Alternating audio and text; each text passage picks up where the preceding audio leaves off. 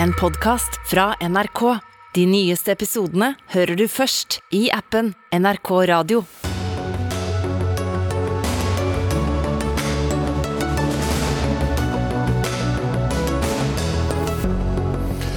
Solide prisopp på flere matvarer i februar, men hvorfor det ble slik, er det stor uenighet om. Justisministeren har ingen planer om å komme advokatene i møte i konflikten rundt godtgjørelser, mens utsatte saker i Høyesterett fortsetter å hope seg opp. Konflikten mellom Europa og den mektige eieren av Facebook og Instagram om personvern handler dypest sett om grunnleggende menneskerettigheter, ifølge Datatilsynet. Og akademikerbarna de vinner fortsatt i universitetssystemet, mens studenter fra hjem uten høyere utdannelse kommer dårligere ut enn noen gang. Ja, dette er noen av temaene i torsdagens Dagsnytt 18. Jeg heter Espen Aas. Vi skal også til en svært spesiell rettssak i Australia, hvis utfall kan få store følger. Men vi starter denne sendingen eh, med at eh, flere matvarer gjorde noen solide prisbyks i begynnelsen av denne måneden. Rekesalat fra Delikat ble 40 dyre, makrell i tomat 33% lettkokte havregryn 16% for å nevne noen av de 13 dagligvareproduktene som eh, NRK presenterte i morgennyhetene i dag. Én ting er jo prisøkningen i seg selv. Interessant nok var endringen mer eller mindre på øret like stor hos de store dagligvarekjedene. De som altså konkurrerer om deg og meg for at vi skal handle hos nettopp dem. Inger Lise Blieverke, direktør i Forbrukerrådet, hva forteller dette deg om dagligvarekonkurransen? Den forteller meg det vi egentlig har visst veldig lenge, og som vi stadig får bekreftet, at den er så liten eller ikke-eksisterende at eh, matvarebransjen eller dagligvarebransjen kan sette akkurat de prisene de vil. Ja, hva mener du med det at de kan sette prisene akkurat som de vil? Det er helt åpenbart det, fordi at uh, mellom lavpriskjedene, som du selv var inne på innledningsvis, så er jo prisene så godt som synkroniserte. Når én setter opp prisene, så følger de andre etter. Hvis én setter prisene litt ned, så følger de andre etter. Og, så, og, sånn er det. slik at Vi som forbrukere har jo ingen mulighet til å gå etter der prisene er lavest. I tillegg så er det også sånn at den største aktøren, Norgesgruppen, blir stadig større. År for år spiser de en større andel av eh, markedet. Og det også gjør jo selvfølgelig at konkurransen blir svakere. De blir sterkere, de får bedre betingelser uten at eh, de bedre betingelsene finner veien til oss forbrukere. Mm, men hva er da logikken i at de har like priser hvis en aktør likevel ser ut til å vinne på det? Ja, Det er jo fordi den største alltid vinner. Sånn vil det nesten alltid være. Er du markedsleder, så har du et forsprang uansett. Og da har du også større muligheter til å eh, forhandle fram gode betingelser hos eh, leverandørene. Men du trenger ikke nødvendigvis å overføre den rabatten til oss. Mm. Stein Rømmerud, konserndirektør for kommunikasjon og samfunnskontakt i nettopp eh, Norgesgruppen, som bl.a. eier lavpriskjeden Kiwi, Kiwi som det også heter. Økning på 40 40 på én matvare fra januar til eh, februar. Eh, hvorfor må matvarer øke så mye? Kiwi har jo en rolle i markedet som, eh, som, prispresseren, og det har de gjort nå de siste elleve månedene veldig hardt. Hvis vi ser på prisene Og så er du på noe helt annet. Ja men, det, på, ja, men jeg skjønner det, for du er kommunikasjonsdirektør. Men spørsmålet var altså hvorfor må en matvare øke med 40 jo, men vi må se på historien her. for De siste elleve månedene så har eh, matvareprisene faktisk gått ned, og det er historisk. Fra et veldig høyt nivå, fra, som det var for elleve måneder siden? For, fra et høyere nivå som det var i 2020, det er riktig. Eh, men det er to ganger i året at vi får prisendringer fra leverandørene våre, og det er i februar og i juli. Og Nå har en del matvarer økt fordi leverandørene tar høyere priser.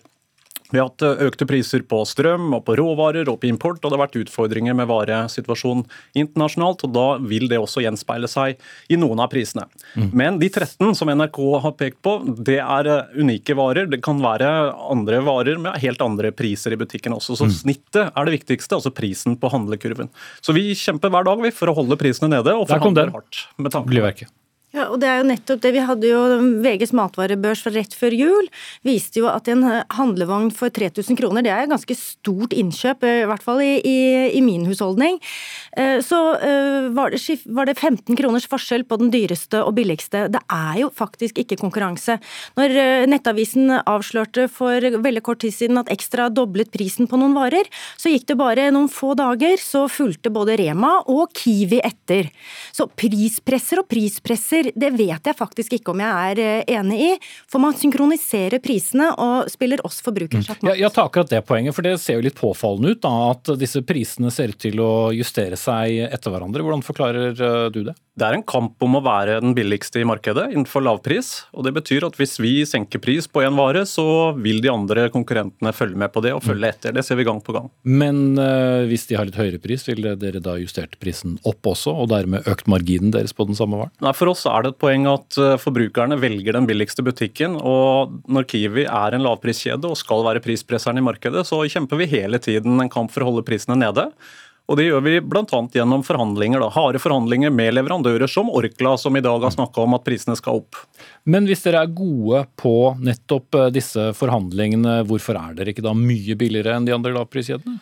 Nei, vi ser som sagt Hver gang vi senker prisen på en vare, så vil konkurrentene følge etter. for Men Hvis de har dårligere betingelser, så gir jo ikke det noen mening? Det vet jeg ikke hvilken betingelse konkurrentene har. Vi må jo snakke for oss selv, og vi kjemper hele tiden for å holde prisen nede og, og kjempe forbrukernes sak. Mm.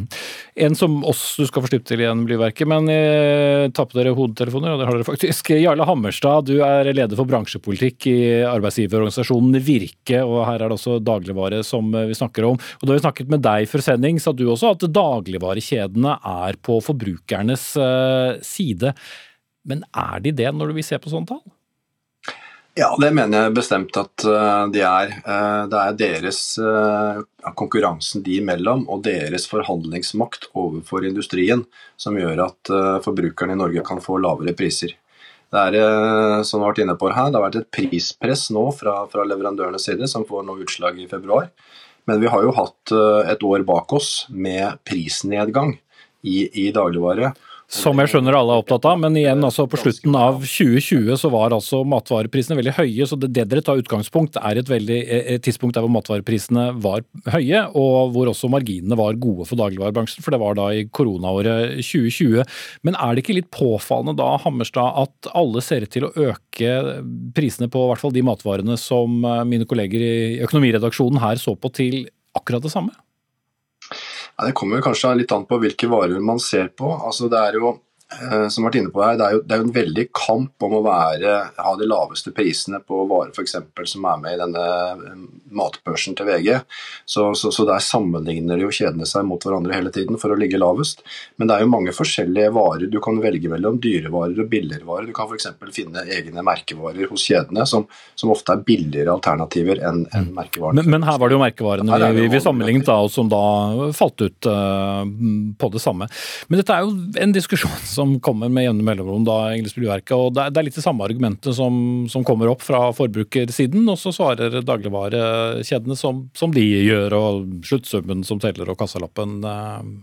Eh, ja, er jo, Det er jo dokumentert at matvareprisene i Norge er høye. Uansett hvor mye konkurranse disse gutta her påstår at det faktisk er. Eh, det er jo en prisforskjell mot Sverige på 30% som må forklares med også andre ting enn økte kostnader og avgifter. Eh, og vi må være klar over at det er greit nok at man ser for seg 2021 og 11 måneder med, med lavere priser, men det var, som du sier, det er ikke bare at det var høye priser i 2020, det var den høyeste prisveksten på elleve år. Norgesgruppen her hadde driftsinntekter på 101 milliarder. De hadde bare et utbytte bare på 1 milliard.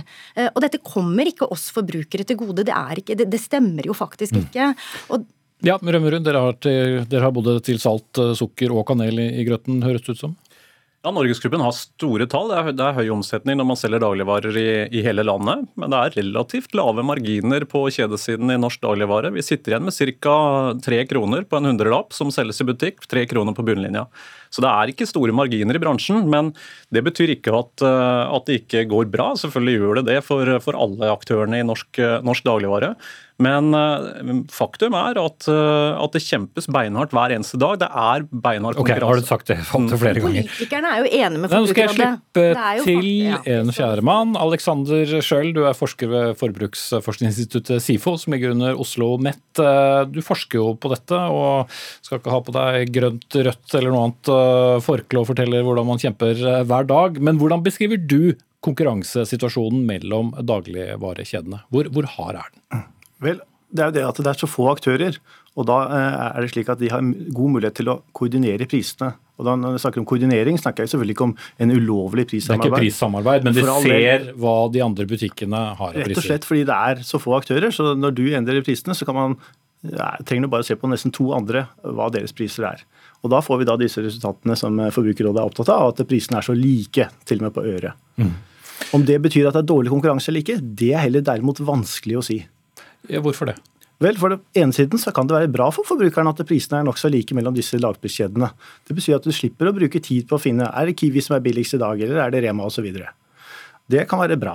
Mm. Men, med mange, og bl.a. de kundene vi snakket med i reportasjen i morges, var jo øh, ikke spesielt begeistret over ganske digre prishopp, prishopp på typiske frokostvarer, og vil jo ha billigere varer er det ikke det sunn konkurranse skal være? Men kan man få sunn konkurranse om man har eh, ja, tre store aktører? Absolutt. Det er, eh, også, det er, mulig å vise dette teoretisk, at selv med bare to aktører så kan man ha sunn konkurranse og like priser. Men hvorvidt det er tilfellet her, syns jeg er veldig vanskelig å svare på. Meg bekjent så har vi ikke heller data til å kunne svare ordentlig det ut. Så dette er noe som vi må finne mer ut av. Mm. Hva, hva slags data er det da mangler? Vel, Eh, vi fikk høre nå at Norgesgruppen har de beste innkjøpsbetingelsene, men de har ikke lavere priser ut enn de andre. Det er veldig merkelig. Det skulle vi gjerne visst noe mer om. Hvorfor er det slik? For du mener da at da har de større marginer på noen av varene og kunne da hatt enda lavere eh, priser enn f.eks. Coop og Rema 1000 som kjemper i lavprissegmentet? Stemmer. Det er de samme prisene, men det er forskjellige innkjøpspriser.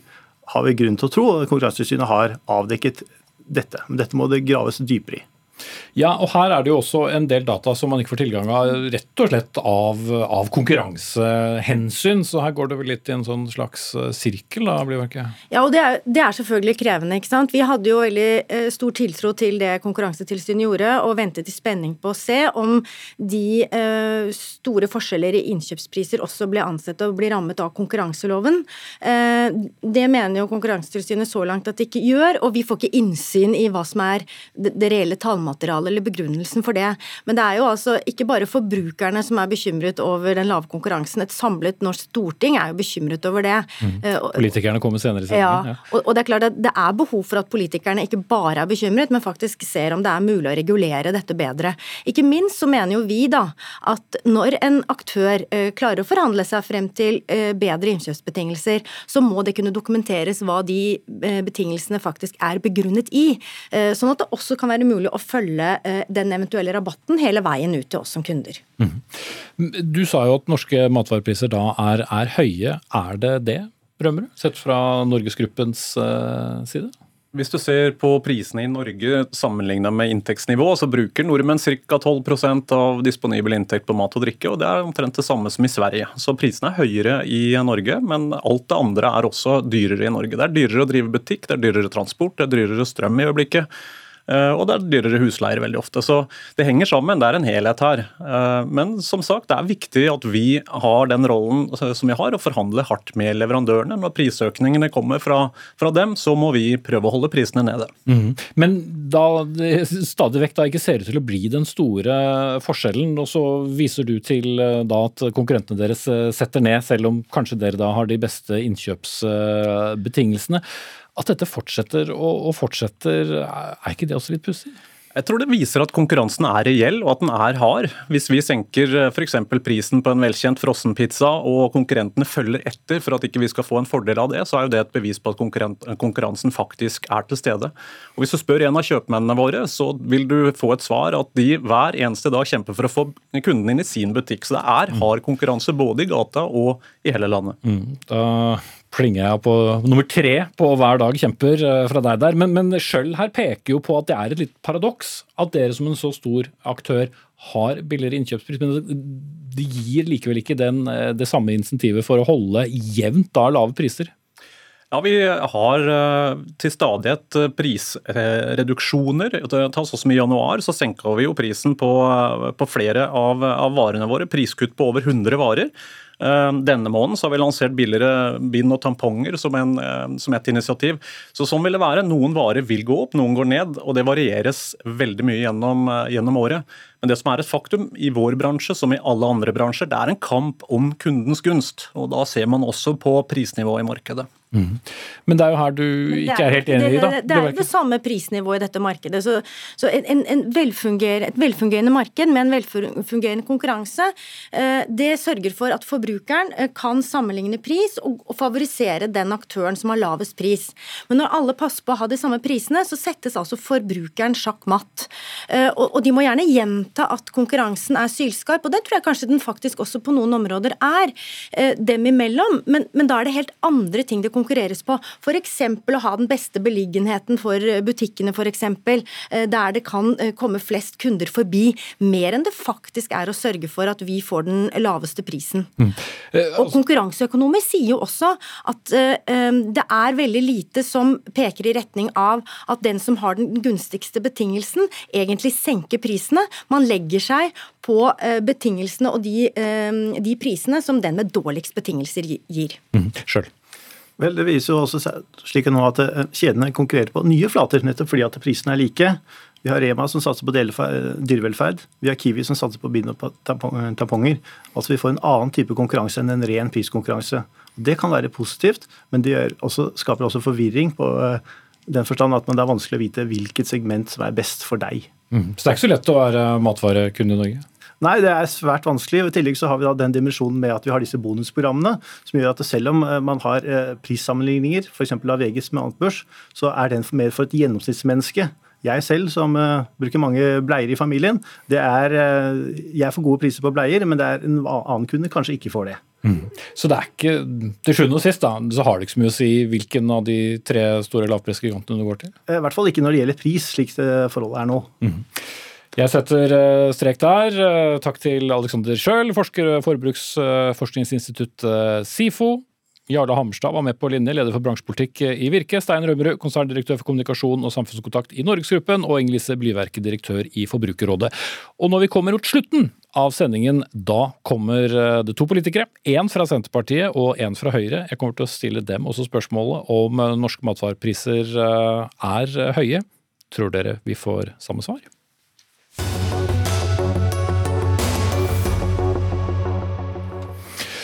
Så skal vi til det som eh, ser ut til å være en ganske fastlåst strid mellom eh, regjeringen, eller staten om du vil, og Advokatforeningen om eh, størrelsen på salærer for oppdrag i lavere domstoler, der medlemmer av Advokatforeningen nå i tre måneder har nektet å ta saker for Høyesterett, noe som så langt har betydd at over 20 saker står i kø. Striden, som vi har diskutert her i Dagsnytt 18 tidligere også, handler om godtgjørelsen advokater får for å ta saker i den offentlige rettshjelpsordningen, og hvorvidt de skal få en forhandlingsrett om beløpet. Men justisminister Emilie Enger Mehl fra Senterpartiet, din beskjed bl.a. gjennom nettstedet Rett24 er at eh, det får de ikke, så nå må de bare avslutte denne aksjonen? Ja, det, det er der vi er nå. Eh, regjeringen har eh, kommet advokatene i møte med en solid styrking av eh, rettshjelpsområdet i budsjettet i høst. Eh, på bare noen få uker så klarte vi å få til en styrking av både salærsatsen, som de er veldig opptatt av, på 57 millioner, og også 100 millioner til eh, å få flere inn under rettshjelpsordningen. Og så har jeg også lagt fram forslag til en oppdatert avtale om årlige drøftinger, og, som vil gi Advokatforeningen bedre mulighet til å komme med innspill til budsjettet. Mm. Men er kravene deres urimelige? Jeg mener det er viktig at advokatene forholder seg til eh, realitetene her. Eh, regjeringen mener at eh, prioriteringer i budsjettet det må gjøres gjennom de vanlige budsjettprosessene, som regjeringen først legger fram forslag for Stortinget, og hvor Stortinget da senere skal vedta et budsjett. Det er jo et viktig demokratisk prinsipp. Og hvis vi skulle innfridd kravet til Advokatforeningen, så ville det betydd å gått helt utenom det. Eh, det mener vi er eh, feil, og derfor så har vi heller gitt dem mulighet til å komme tidlig med gode innspill til budsjettet i prosessen som er i mm. departementet. Mm. Så steilt eh, står du, men eh, Jon Nessel Aas, eh, leder av Advokatforeningen. Etter tre måneder står dere like steilt? Det gjør vi. Jeg kan si det på den måten at når jeg er her i dag, så er jeg en, en meget sindig og rolig representant for de medlemmene jeg representerer, hvor det, det, koker nå. Særlig denne uken her, etter at man så det vi har kalt for et ikke-forslag. Der er det krefter som vil utvide aksjonen til å gjelde flere instanser osv. Så, men, men, vi skal prøve å holde dette på et sivilisert plan her. Nei, det er ikke noe, ikke noe problem å fortsette den aksjonen. Og det er ikke noe vi gjør i utide, for å si det sånn. Det kan man se historisk. Men uh, går dette, hvordan går dette utover rettssikkerheten? Uh, hva tenker du på? Aksjonen med at saker hoper seg opp i Høyesterett. Er det greit? Det er vel ingen som syns at det er greit. Det er det selvfølgelig ikke. Hadde det vært greit, så hadde jo Høyesterett vært uten betydning, og det er det overhodet ikke. Um, men uh, vi, uh, uten å gå i alle detaljer om det, den aksjonen der har vi dispensasjonsordninger som den enkelte advokat som får saken inn, som kjenner den best og kjenner sin klient, kan søke om dispensasjon der hvor en utsettelse vil være uforholdsmessig. Og der har vi innvilget de søknadene som har kommet hittil. Eh, men vi må gå litt i detaljer eh, likevel. For eh, hvor stor avstand er det mellom det justisministeren har tilbudt, som dere ikke var noe særlig begeistret for, og det dere krever? Hvis du kan forklare det på en enkel måte overfor vårt publikum. På en enkel måte. For dette er jo ikke vanlige saker. altså Dette er, dette er, dette er offentlige saker dette... som man da blir bedt om å ta, og, og så får en annen godtgjørelse enn om jeg går til deg og hyrer deg som advokat. Ja. For, for, å gjøre det enkelt, det er noen saker alle vet at når du blir tiltalt i en straffesak, da har du krav på forsvarer som det offentlige dekker. Det er ett eksempel. Det finnes barnevernssaker, en del familiesaker osv. hvor borgerne har krav på det. Og saker ikke minst altså mot det offentlige. En straffesak er jo mot det offentlige. Og Det dreier seg om vilkårene, og det dreier seg ikke egentlig bare om størrelsen på en sats. Dette er komplisert, for her er det stykkprisordninger som gjør at selv om satsen er på 1100 kroner, så er den reelle betalingen per time pga. stykkpriser ofte ned i bare noen få hundre kroner, og under kosten som advokaten har. Altså at det går på underskudd på å ta saken. Og dette er jo da saker hvor staten sier, eh, med rette, her har borgeren krav på å få dekket forsvarlig rettshjelp eh, av staten. Hvem er det som skal yte det? Det forutsettes at det er jo vi advokatene som skal yte det. Og så sier vi bare at på, på det diktatet dere kommer med nå, og, og, hvor justisministeren selv, eh, før hun ble justisminister for noen år siden, sa akkurat det vi sier, ikke sant? at denne satsen og ordningen har i mange år vært utsatt for en langvarig underregulering. Det er vi egentlig alle enige om. Det er ikke bærekraftig. Da sier vi at vi kan ikke levere den tjenesten på de betingelsene blir litt som en, en, lege da, skulle bli fortalt at her kan du jobbe for det offentlige og operere i hjernen til eh, Espen Aas. Eh, du får bare lov å bruke ti minutter på det. Så må legen si det er ikke forsvarlig, jeg kan ikke gjøre en forsvarlig jobb på den tiden eh, og til den betalingen. Og det er der vi står. Men når du spør hvor langt vi står fra hverandre, så dreier det seg om nettopp den forhandlingsretten som justisministeren for kort tid siden, da hun sto på Stortinget, sa at vi måtte få. Fordi sånn som det er i dag, også med det nye tilbudet deres, så er det egentlig ikke noe annet enn vi leverer her den siste vi leverte i høst, 22 sider med begrunnet gjennomgang av hvordan ordningen fungerer, hvordan den bør justeres for neste budsjettår. Så du er ikke med også, på svaret om at dette handler om når et budsjett kommer? og når man kan Nei, det er ikke det. og det er mange, Vi har andre ordninger som går utenom dette. Dette er jo kjøp av en tjeneste når staten kjøper advokater til seg selv. I de sakene hvor borgerne er okay. avspist med dette, så forhandler de. Og da betaler de jo i utgangspunktet 50% mer enn de betaler. Nå tror jeg ikke vi må ha flere, flere, flere, detaljer. Poenget med å gi deg all denne tiden var for så vidt for å, å, gjøre publikum der hjemme litt klokere. Jeg håper dere ble det. Men, men eh, Emil Engme, altså, et retorisk poeng her om at uh, du kan ha ment noe annet uh, før du ble justisminister. Du kan kvittere ut det hvis du vil. Men til, til selve hvorfor er det så umulig å komme, komme dem i møte for å få prosessen i gang?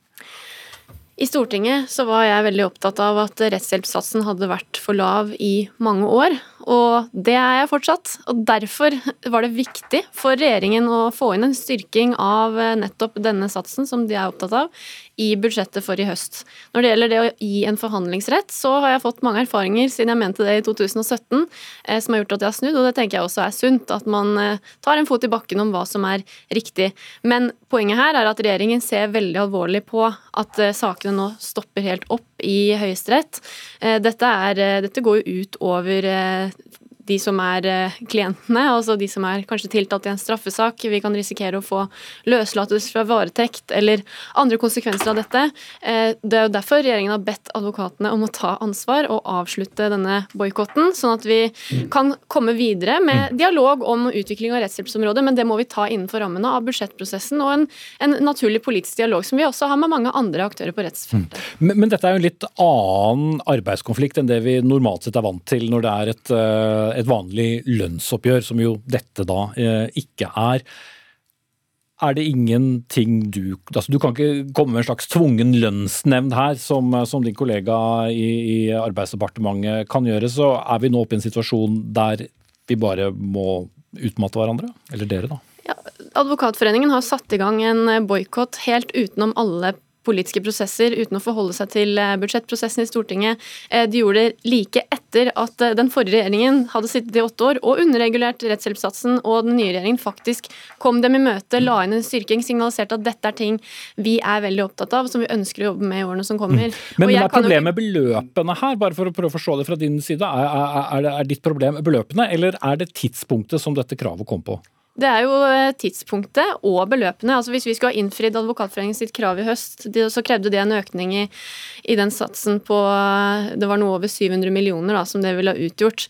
Eh, det ville ha gjort at det hadde vært umulig å prioritere styrking av politiet, styrking av påtalemyndigheten, styrking av kriminalomsorgen. Okay. Altså Dette er prioriteringer som må gjøres i budsjettet. Du, du skal få slippe til igjen, Wesselås, men jeg skal ha med høyesterettsjustitiarius Toril Marie Øie, som er med oss på, på, linje. og Da må dere ta på dere hodetelefonene hvis dere skal høre hva hun sier. Eh, Eh, hvordan har eh, disse tre månedene påvirket eh, Høyesterett? Ja, la meg først bare understreke det du var litt inne på innledningsvis. At selv om aksjonen retter seg mot saker i Høyesterett, så er vi, uten, er vi ikke part i denne konflikten.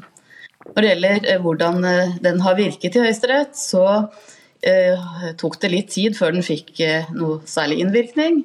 Men nå har den slått til for fullt. Vi har 25 saker som er eh, rammet av konflikten. Og For å sette det i perspektiv, så hadde vi 30 straffesaker i hele fjor. Så det er klart det bekymrer meg. Eh, det at saker blir, straffesaker blir behandlet innen rimelig tid, er en viktig rettssikkerhetsgaranti.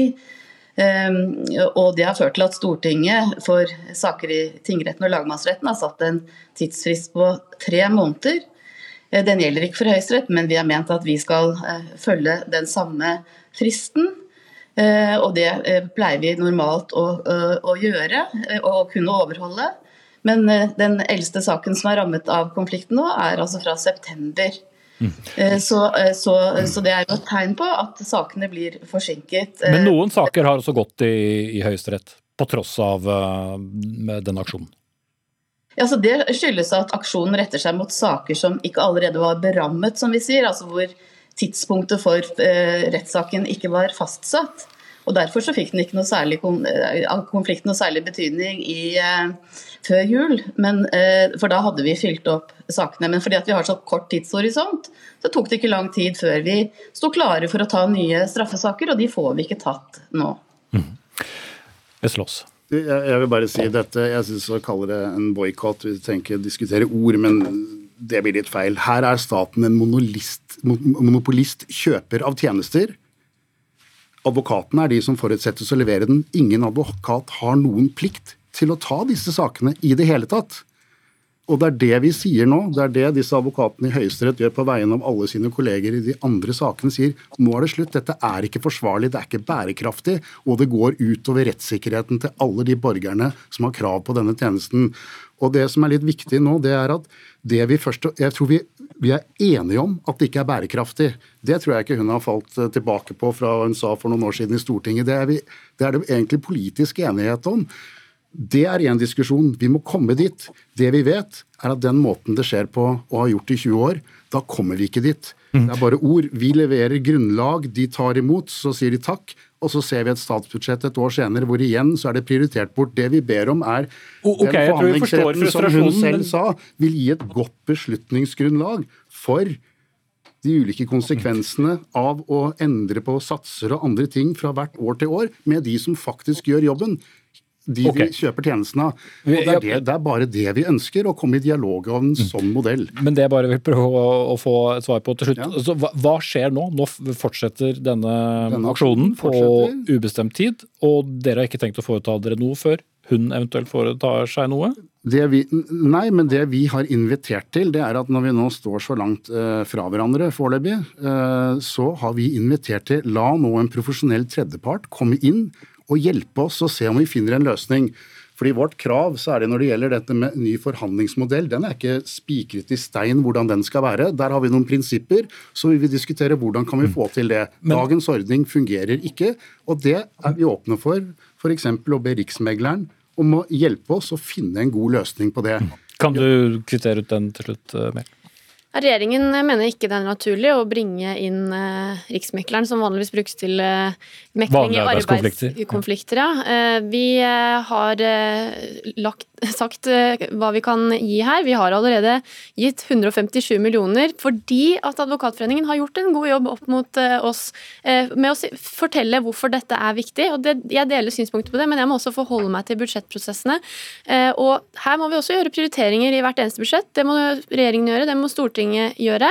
Derfor så ga vi advokatene en solid styrking, men vi har også gitt andre en solid styrking i høst. Og jeg vil innstendig be om at de avslutter boikotten, for dette går utover eh, de som har saker, sakene sine eh, Da vent i Høyesterett. er det gjentatt. Emil Enger Mehl, justisminister fra Senterpartiet. Jon Wessel-Aas, leder i Advokatforeningen. Og takk til Toril Marie Øie også, som var med oss på linje, som er Høyesteretts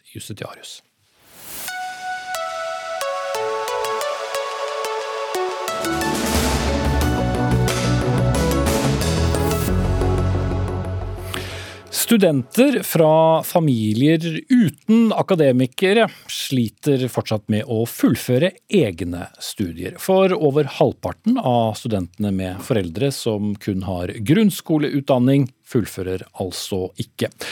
Har eh, foreldrene derimot videregående skole, ja så er tallet nede i 38% som eh, ikke står løpet ut. Har foreldrene akademisk bakgrunn, er tallet nede i 25% Alt kommer fra SSB.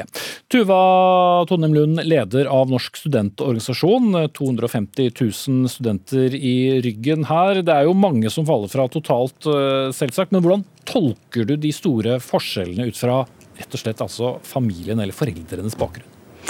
Det er klart Vi er opptatt av like muligheter til utdanning. Det betyr også like muligheter til å fullføre høyere utdanning, uavhengig av sosioøkonomisk bakgrunn, eh, penger hjemmefra og hva slags utdanningsbakgrunn foreldrene dine har eller ikke har. Eh, Så det er klart at disse tallene her syns eh, jeg er alarmerende og veldig triste.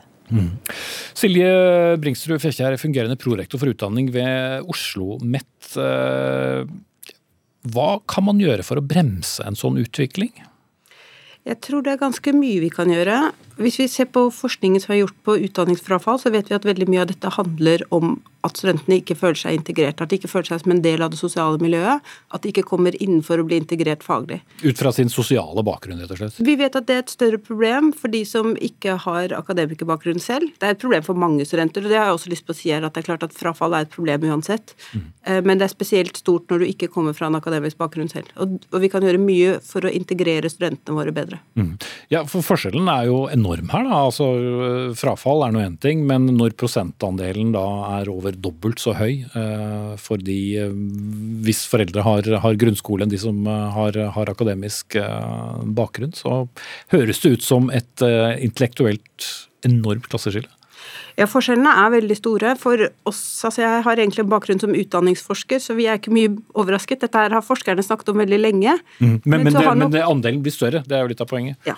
Og problemet er jo at selv om forskningen har vært veldig klar over det, så har ikke de høyere utdanningsinstitusjonene snakket om det. Eh, Så jeg er veldig glad for at denne debatten nå kommer opp også på agendaen utenom forskninga. Det er på tide. Altså, vi, vi, kaller dette for førstegenerasjons studenter. Og, og Lund, øh, dere får jo da også tilbakemelding fra, fra studenter som sliter. Hvordan er det de forklarer øh, da dette klasseskillet og sosiale skillet som, som Fekjær her også er inne på? Jeg snakket med en student tidligere i dag som fortalte meg at det å begynne på høyere utdanning var som å bli påkjørt av et tog. Hun hadde møtt opp på et sånt pizzamøte for å snakke med professorer og utdanningsinstitusjonen, og hadde ikke hatt sjanse til å følge med fordi språket var akademisk, og fordi hun, hun ikke var vant til å snakke det hjemmefra. Jeg husker selv da jeg begynte på, på høyere utdanning at professorene sa nå burde dere skaffe dere en kollokvie og få dere en kollokvie. Det er lurt å jobbe i kollokvie. Og så tenkte jeg herregud, hva er en kollokvie? Jeg aner ikke hva det her betyr. Så jeg gikk hjem til mamma og spurte, eh, spurte hjemme, og tenker at disse, disse, rammene man har rundt studenttilværelsen er kjempeviktige. Altså, um, vi er nødt til å ha noen som følger deg opp, noen du kan gå og spørre om alle de små og store spørsmålene som, som møter en ny, en ny, fersk student som ikke kjenner den, det akademiske livet fra, fra tidligere. Så det er kjempeviktig å få på plass de rammene fra institusjonenes side. Hvis det sitter noen spørsmålstegn der hjemme nå, en kollokvie er også en samling av studenter på, på samme fag da, som, eh, som studerer og, og, og, jobber eh, sammen.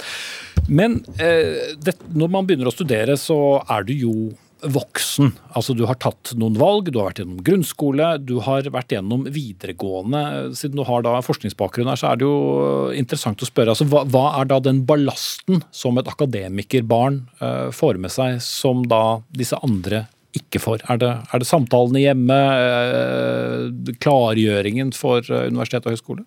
Altså det, Særlig den kvalitative utdanningsforskningen har vist, er at dette her handler om en måte å snakke på, en måte å te seg på, en måte å kle seg på, som gjør at noen får fordeler andre ikke får. I tillegg så handler det om de små, litt sånn usynlige signalene, sånn som uh, Tuva er inne på her. Altså det som du kanskje, de ordene du ikke er helt vant til, måten å være på. Men alt det her kan vi jo gjøre noe med. Altså jeg tenker at Særlig vi som undervisere og forskere i høyere utdanning, vi kan i veldig mange tilfeller snakke enklere enn det vi gjør. Mm. Og vi kan være mye flinkere enn det vi er til å forklare de hemmelige kodene. Ja, Lund, de har som jeg har vært inne på, vært innom eh, noen, eh, noen skoleløp før de kommer til universitetet. Burde ikke en del av denne klargjøringen også kommet der? Jo, absolutt. Jeg tenker veldig mye handler om veiledning også i videregående skole. Hvilket utdanningsløp skal vi gå på? Vi vet at veldig mange av de som faller fra høyere utdanning, faller fra de første årene i studieløpet sitt. Og mye kan være løst også ved å forberede på hva studenttilværelsen egentlig inneholder, hva som er forventa av deg som student, og hvilket utdanningsløp du skal gå på. Mm. Da vi snakket med deg, så etterlyste du også spesielle tiltak for denne gruppen. Du var jo litt innom det med at man nærmest må få en sånn ofte stilte spørsmålsliste. Men er det ikke også litt skummelt dersom man skal single ut en gruppe som da er uh, førstegenerasjonsstudenter fra de andre gruppene i, et, i en utdanningsinstitusjon?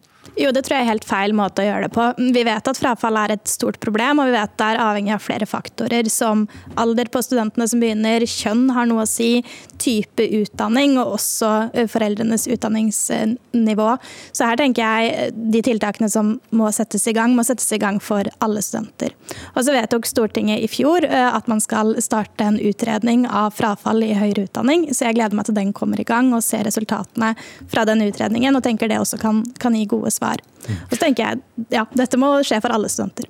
Vi eh, inviterte minister for høyere utdanning Ola Borten Moe fra Senterpartiet hit. Han hadde ikke anledning til å komme, men Fekjær, eh, ligger det et politisk eh, ansvar også her, eller handler det mer om utdanningsinstitusjonene selv?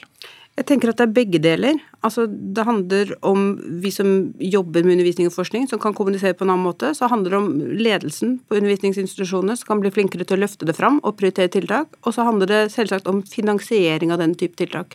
Men der vil jeg gjerne trekke fram de to ekstra tiltakspakkene for studenter som vi har fått nå i fjor, som nettopp går på integrerende tiltak fordi vi vet at problemet er ekstra stort under epidemi, eh, pga. nedstengningen.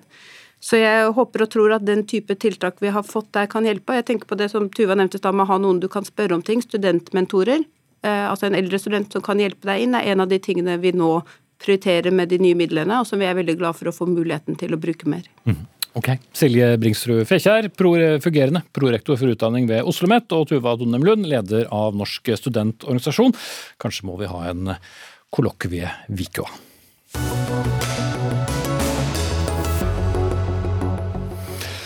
Et eh, liv eh, uten eh, sosiale nettverkplattformer som Facebook og Instagram. En lettelse eller et mareritt. Du slipper i hvert fall unna utrolig mye kjæledyr, barn og mat, kanskje. Men det vi skal snakke om, handler om eieren selskapet Meta.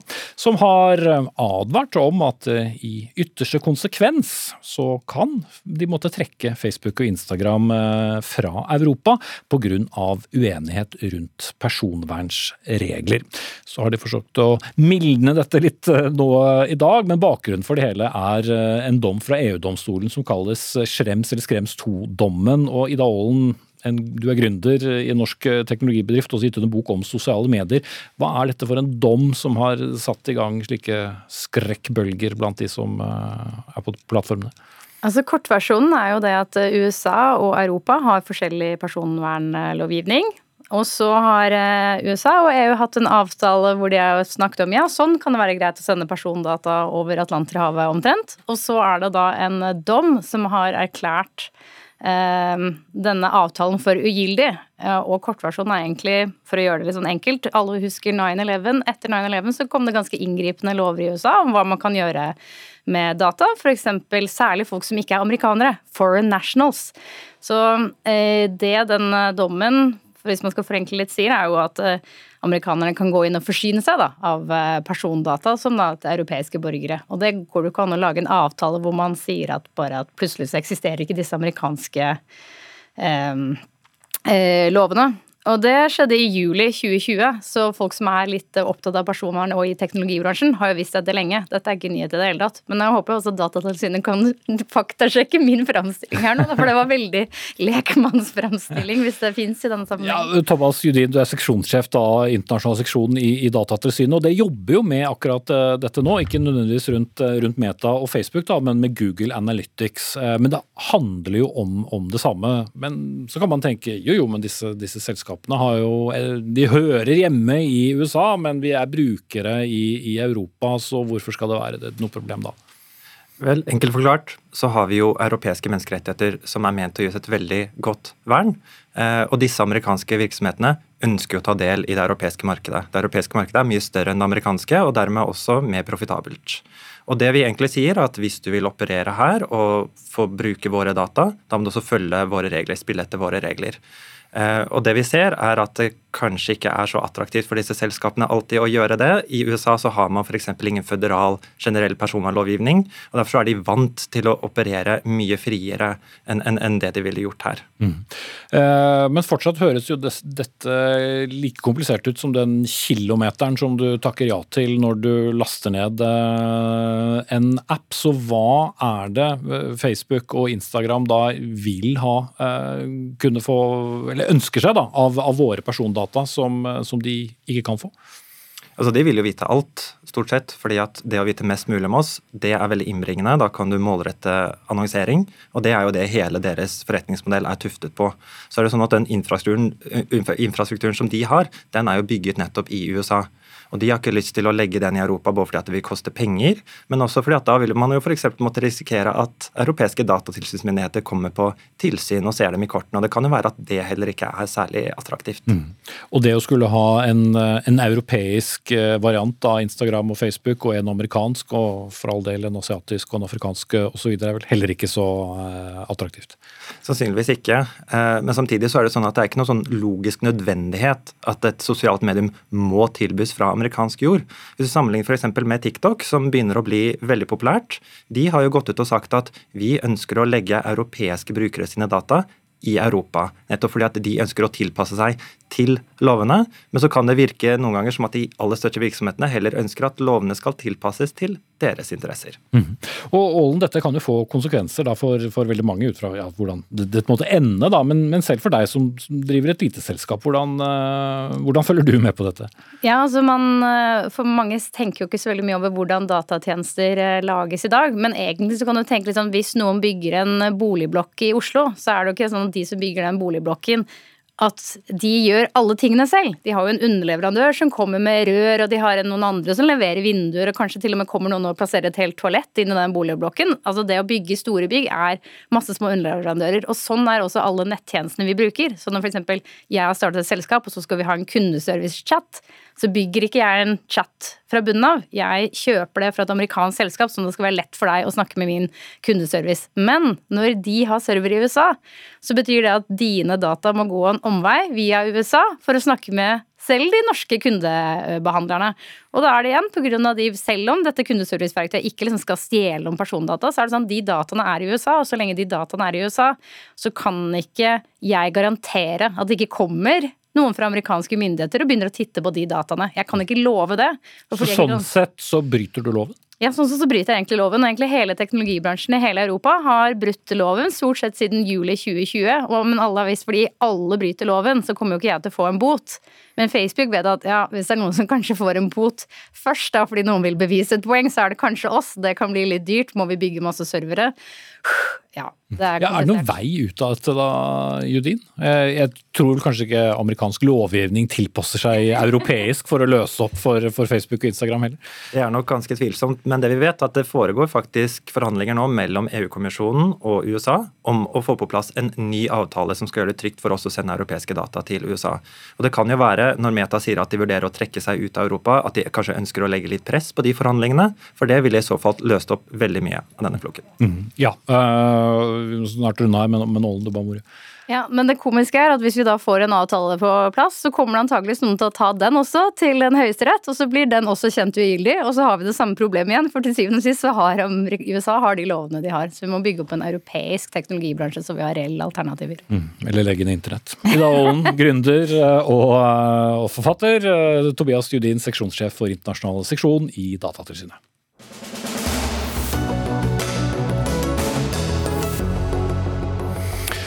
Så skal vi til en rettssak i Australia som har fått eh, mye oppmerksomhet. Noen har sågar omtalt den som århundrets rettssak.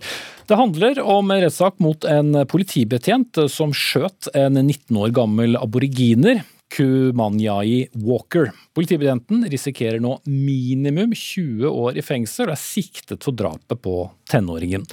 Tre skudd ble mm, avfyrt under en arrestasjon da Walker angrep politimannen bevæpnet med en saks.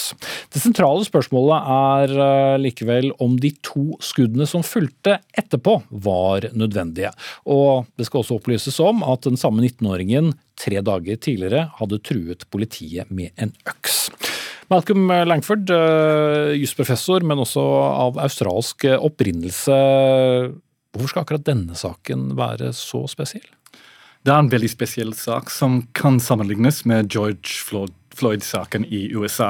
Og så det er en slags Black Lives Matter-sak med, med, da australsk kontekst? Det er den australske utgaven av, av, denne. Og siden 1991 har 500 fra urbefolkning uh, dødd i fengsel og varetekt. Uh, og ingen har blitt straffet. Og det er det som skaper store uh, frustrasjoner. For 1991 er også et veldig spesielt år. Det er året at en granskingskommisjon kom med 339 anbefalinger til politi og fengsel og, og, og så videre. Og Jeg selv gransket på det i 1996, og vi så en god del av anbefalingene bli fulgt opp, men mange ikke. og Det er også situasjonen i dag. Og Frustrasjonen har økt, og derfor er det veldig mye spenning rundt denne saken. For at fem 100 aboriginer altså dødd ja. i politiets varetekt da siden 1991, altså litt over 30 år. Og det har da blitt funnet ut at det har naturlige årsaker, og ikke da blitt straffesaker av det? Nei, det har vært noe forsøk, eh, men ingen blir dømt eh, til slutt. Uh, og nå er det først av tre rettssaker dette år som kommer opp uh, for behandling. Mm. Men dermed så er det vel også ganske mm. store forventninger da av grupper som støtter den australske urbefolkningen. Men med det bakteppet, hva kan da skje dersom det skulle bli en fellende dom da mot uh, politimannen? Og så får vi ta for oss det motsatte tilfellet. Ja, jeg tror det kan eh, øke tilliten til eh, politi og til staten fra urbefolkningens side, for det er ganske lav eh, tillit. De er bare 3% av de australske befolkning. men 30% av fangere i Australia. Og seks ganger større sannsynlighet å bli arrestert. Så den kan hjelpe å øke den tilliten, og det kanskje vil gjøre at politiet er litt forsiktigere når de arresterer folk. Uh, på den andre siden uh, kan det skape veldig mye uro, nye demonstrasjoner, protester, og øke den mistilliten at vi ser på, på bakken. Mm. Men du er jo jusprofessor mm. selv, Langford. Dette blir jo en symbolsak uansett. Hvordan skal man angripe det da rettslig? Det er en veldig vanskelig sak, og det handler om disse 2,6 sekunder som du var inne på, mellom den første og andre skudd. Det andre, også tredje skudd, er nødvendig. Og det er veldig høy terskel i straffesaker, så det er veldig vanskelig å vite om han blir dømt eh, eller ikke. Det vi har sett i rettssalen denne uken, at politivitnene de spriker i deres fortellinger. Noe indikerer kanskje de ville ikke uh, avfyret det andre eller tredje skudd, andre uh, motsatt. Så det er vanskelig å vite hvor uh, dommere skal lande mm. i denne saken. Fordi uh, spørsmålet om hvorvidt politimannen uh, måtte avfyre det første skuddet, er ikke fullt så interessant som også tiden fra det første til det andre. Det, var, det første var nødvendig for han, det var risikosituasjonen for han. Um, men hvis han ikke hadde skutt det andre skuddet, kunne kanskje de ha reddet den unge manns uh, liv. Og var det nødvendig å skyte uh, en gang til? Så Det er det store uh, spørsmålet. Det handler om konteksten og, og en objektiv evaluering av faren for den politimannen Rolfe. Mm. Saken får i hvert fall selvfølgelig mye oppmerksomhet uh, i Australia, men, men også i, i, mange uh, europeiske og amerikanske medier. Vi for å følge saken videre, Takk kan du ha for å gjøre oss litt klokere, jusprofessor Malcolm Langford.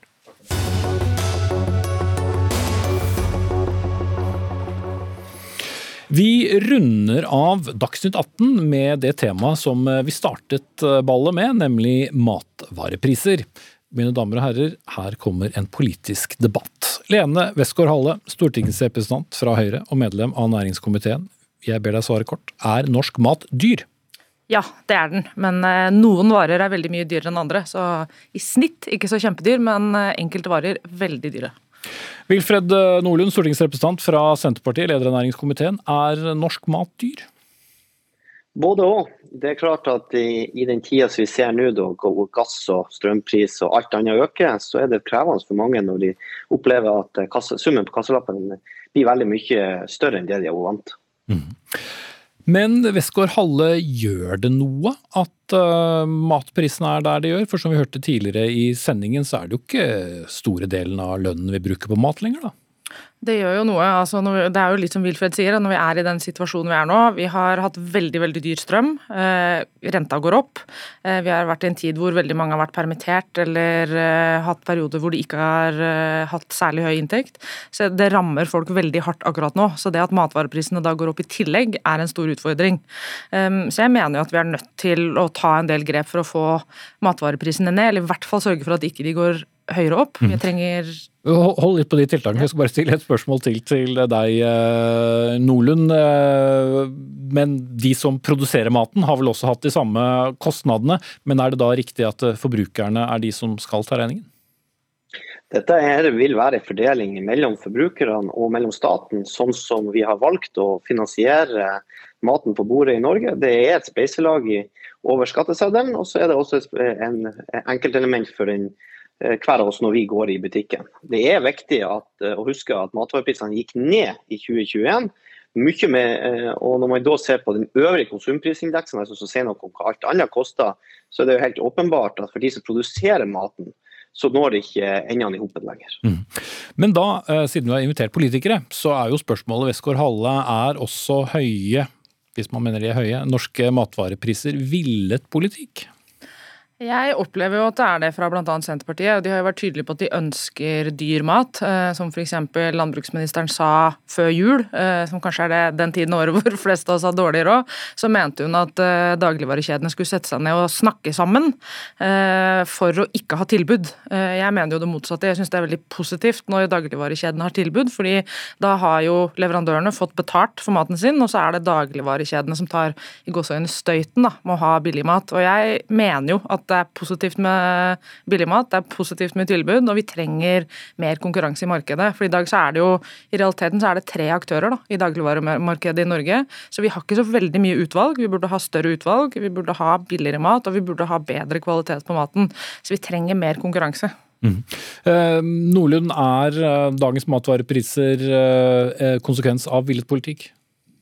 La oss ta det første som Lene Westgård-Halle sier som er feil, og det er at norsk mat ikke holder høy kvalitet. Tvert imot holder den blant verdens høyeste kvalitet. Og Det er jo en viktig premiss når vi også snakker om folkehelse og hva som eh, er hverdagen til folk. Mm. Men det er matvarepris vi snakker om nå, da? Ja, og De nye tallene som vi ser, tyder jo på at konkurransen i dagligvaremarkedet ikke er sunn. Det er et eller annet som er rart her når det blir nesten på samme øre prisendringer. Det tyder jo på at konkurransen ikke dreier seg egentlig mellom matvarekjedene, men uh, mot å presse leverandørleddet og produsenten. Og at det er andre ting som vi hørte innledningsvis i, i Dagsnytt i dag, at det er andre ting som gjør at kjedene lokker kundene til seg. Ulike bonusprogram, bleiekjøp, som jeg for så vidt kjenner godt til sjøl, og andre typer virkemidler de bruker for å lokke kunden inn. Og Coop var jo ute i NRK her litt tidligere og sa det at de har solgt smør med tap. Nå setter de opp prisen for å ikke tape mer. Og Det er klart at det er noe som dagligvarekjedene selv eh, velger å gjøre, men de velger også å subsidiere mellom de ulike produktgruppene. Det er jo en grunn til at det er veldig lav avanse f.eks. på kjøtt i butikken. Det er jo fordi at de tar de pengene igjen på sjampo. Det er dårlig butikk eh, egentlig å si at man liksom skal eh, kjempe forbrukernes kamp. Det er jeg, jeg kjenner ikke noen som egentlig tror på det. ok, men Nå har vi sendt, sendt hjem dagligvarekjedene, så vi får uh, holde oss til, til politikken her. Men uh, og uten at vi skal gå inn i den sedvanlige dansen åtte år her og åtte år der. Faktum er det i hvert fall i de over 20 årene jeg har drevet med journalistikk, så er dette evig tilbakevendende tema. Hvorfor klarer vi da ikke å få god konkurranse i matvareleddet i Norge? Mm. Det er et veldig godt spørsmål. Jeg syns Forbrukerrådet var veldig inne på det til, i starten av sendingen. fordi Hun sa det at eh, nå har politikerne vært bekymra veldig lenge, så nå, nå, må de begynne å handle. Um, og Jeg er jo veldig glad for at vi tok tak i noen ting da vi satt i regjering. Uh, blant annet så fikk vi jo etablert uh, Dagligvaretilsynet, som var viktig. Uh, vi fikk på plass at man måtte grunngi forskjeller i innkjøpspriser, blant annet. det mener jeg jo at den nye regjeringen er nødt til å følge opp mye tettere. vi fikk bevilget mer penger til Konkurransetilsynet, og de fikk også overført en del oppgaver som gjør at de nå kan følge opp mye tettere enn tidligere. Men det endret Også, kanskje ikke så mye? Eh, det er ikke så veldig lenge siden vi har gjort det, så det er i gang. Eh, men der mener jeg jo at regjeringen nå er nødt til å følge opp. fordi jeg mener jo at Konkurransetilsynet kan ta en tydeligere rolle enn det de gjør i dag, eh, og må mer på, være mer på ballen. F.eks. innkjøpspriser. Altså dette med hvem betaler hva for hvilke varer. Der Tidligere så var det jo mange av disse tallene som ble offentliggjort, det gjør det ikke lenger. For meg som politiker ville det vært veldig verdifullt om de gjorde det. Så vi kan, så vi kan sammenligne hvordan det er i de ulike matvarekjedene, særlig fordi konkurransen ikke er så stor i dag. Da. Mm. Eh, men hva mener du vi kan gjøre for å øke konkurransen da, Nordlund? Alt tyder jo på at eh, Høyre gjorde for lite sist gang, og det er jo befriende å høre eh, Lene Westgård-Halle innrømme det. Det må den nye regjeringa se på nå, og det har vi jo lovt i, for så vidt i Hurdalsplattformen. Og Hvordan gjør dere det? Sist, til syvende og sist så handler denne diskusjonen her om hva matvareprisene skal eh, være om to ting. At folk i Norge skal ha trygg, norsk nok og billig nok mat på bordet. Og at bonden får betalt for arbeid. Det er egentlig som det heter i reklamen fra en av dagligvarekjedene. Det er summen på kasselappene som teller. Altså hva har vi å rutte med når vi har gjort opp for oss, om det nå er på strøm, eller om det er på mat, eller det er på doruller, eller alt annet. Jo. Det er det som avgjør, og det skal vi gjøre noe med. Hvordan da?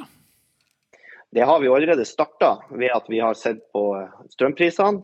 Det viser jo Jo, jo, men matvarepris. Ja, så, så, så, så, summen ja. av alt, så du altså, bruker litt samme argumentasjon som han som var her fra Norgesgruppen? Ok. Eh, men, altså, summen av alt har betydning for hvilken levestandard den enkelte har. og det er klart at som også konsumprisindeksen viser, og som SSB viser til i sine framlag, så har f.eks. strømstøtteordninga bidratt til å Ok, Men det er en helt annen diskusjon som jeg bryter deg av på. Westgård Halle, hvordan skal vi kunne måle det? Du får hele 20 altså sekunder. Der, der var det veldig mange ord og ingen forslag, eh, så jeg skal gi regjeringen noen forslag. Det ene er at de kan gjøre noe med plan- og bygningsloven, sånn at man får mer kontroll på konkurranse eh, når man etablerer nye butikker, f.eks.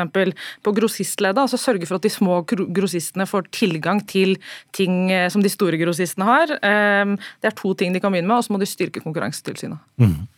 Da må jeg takke dere av. Lene Westgård-Halle, stortingsrepresentant fra Høyre. Wilfred Nordlund, stortingsrepresentant fra Senterpartiet. Denne dannede runden. Dagsnytt 18 er ved veis ende. Gro Arneberg var ansvarlig for innhold. Ragnhild Bjørlykke tok seg av det tekniske. Jeg heter Espen Aas, og turer kommer tilbake i morgen.